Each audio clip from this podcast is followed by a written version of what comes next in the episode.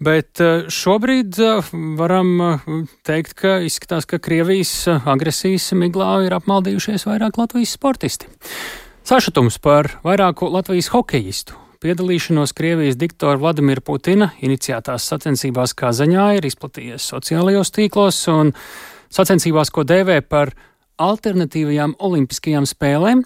Šonadēļ piedalās vairāki hokeisti, kuri pirms tam pat ir spēlējuši arī Latvijas izlasē, vai arī vismaz bijuši kandidātu lokā.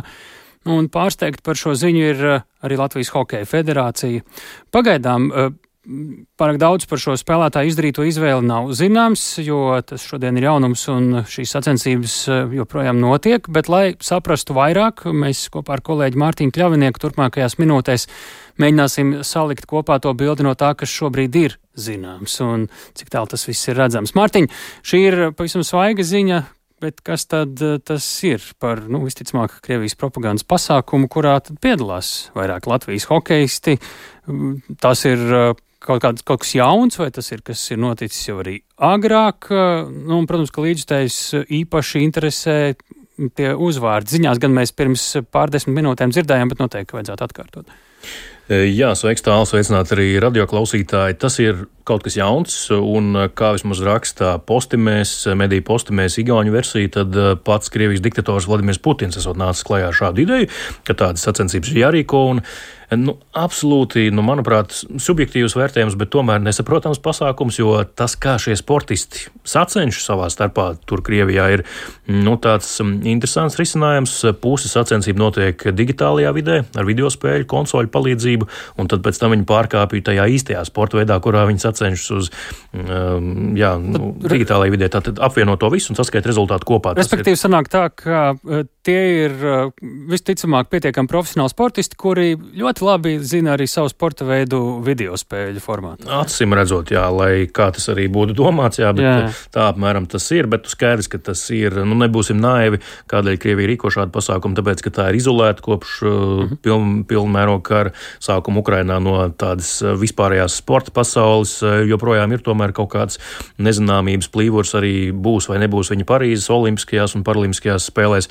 Līdz ar to, nu, jā, viņi acīm redzot vēlas parādīt, kā joprojām joprojām klātesošu un sportot un sacensties varošu. Un Krievijā sports vienmēr ir bijis savu veidu propagandas līdzeklis Jā. vienā vai otrā virzienā, kaut vai iekšēji arī.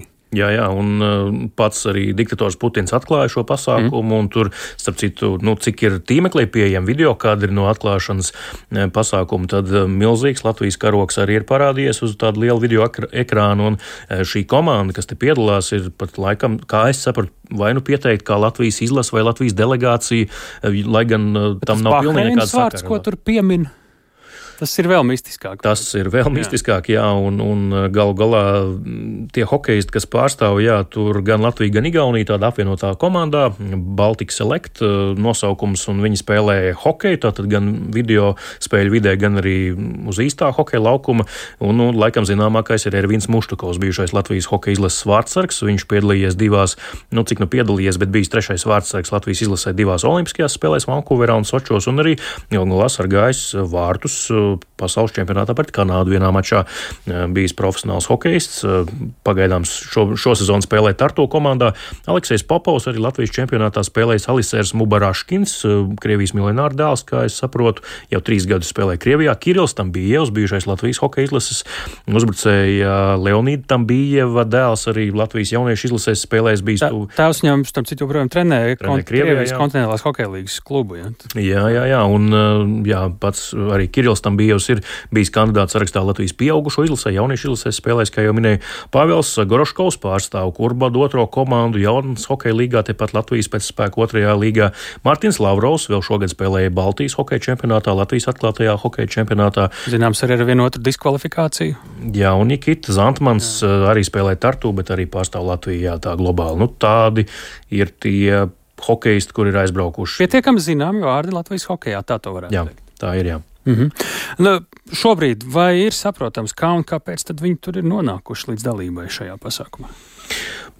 Man personīgi nav zināms, neesmu arī nevienu no viņiem uzrunājis, bet kolēģis Ulus Brože, kurš arī izteicās par šo vispār pasākumu kā tādu, vidē vietnē X, nosaucot šos hokejus par noderīgiem idiotiem, tas ir citāts no šī tvīta tā saucamā, tad uz šo ierakstu X vietnē atbildēja viens no spēlētājiem, Martins Laurovs, kurš šobrīd atrodas Kazaņā un pārstāv šo mistisko komandu, gan ar tādu pārmetumu, ka kāpēc par to ir jāstāsta ka mēs tur esam. Ka, nav, ka ziņojumi tik, lai būtu ko rakstīt. Jā, apmēram jā, ka jā. par to sabiedrībai nav jāzina, ka mēs tur nejaucam politiku ar sportu, apmēram tā. Mhm.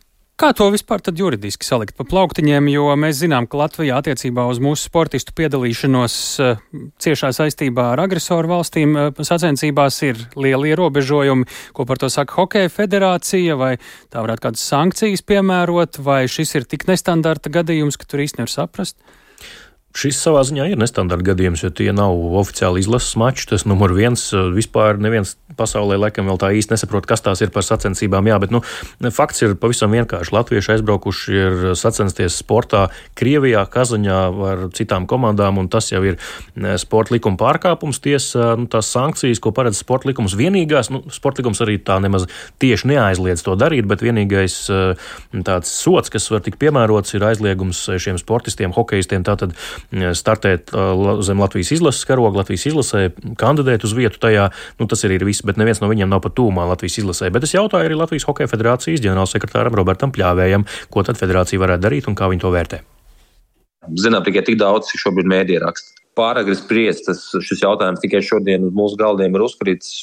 Pirmkārt, jāskatās, ir, ko nosaka uh, likumdošana, uh, vai tiks lēmts par papildus sodiem. Uh, par to šodien vēl nevarēšu atbildēt. Nu, mans personīgais viedoklis, protams, ka man tas nav pieņemami. Ja būšu pavisam atklāts, nav līdz galam saprotams šī pasākuma formāts. Nekad nebija par to interesējies un dzirdu par to pirmo reizi. Ir jautājums par to, vai kādā veidā, kurš viņu organizē, kādā veidā ir notikusi šie sportisti ir uzrunāti, vai kā šī informācija ir atrasta, vai sākotnēji ir bijis saprotams, ka tas ir Krievijas organizēts, vai tā nav bijis.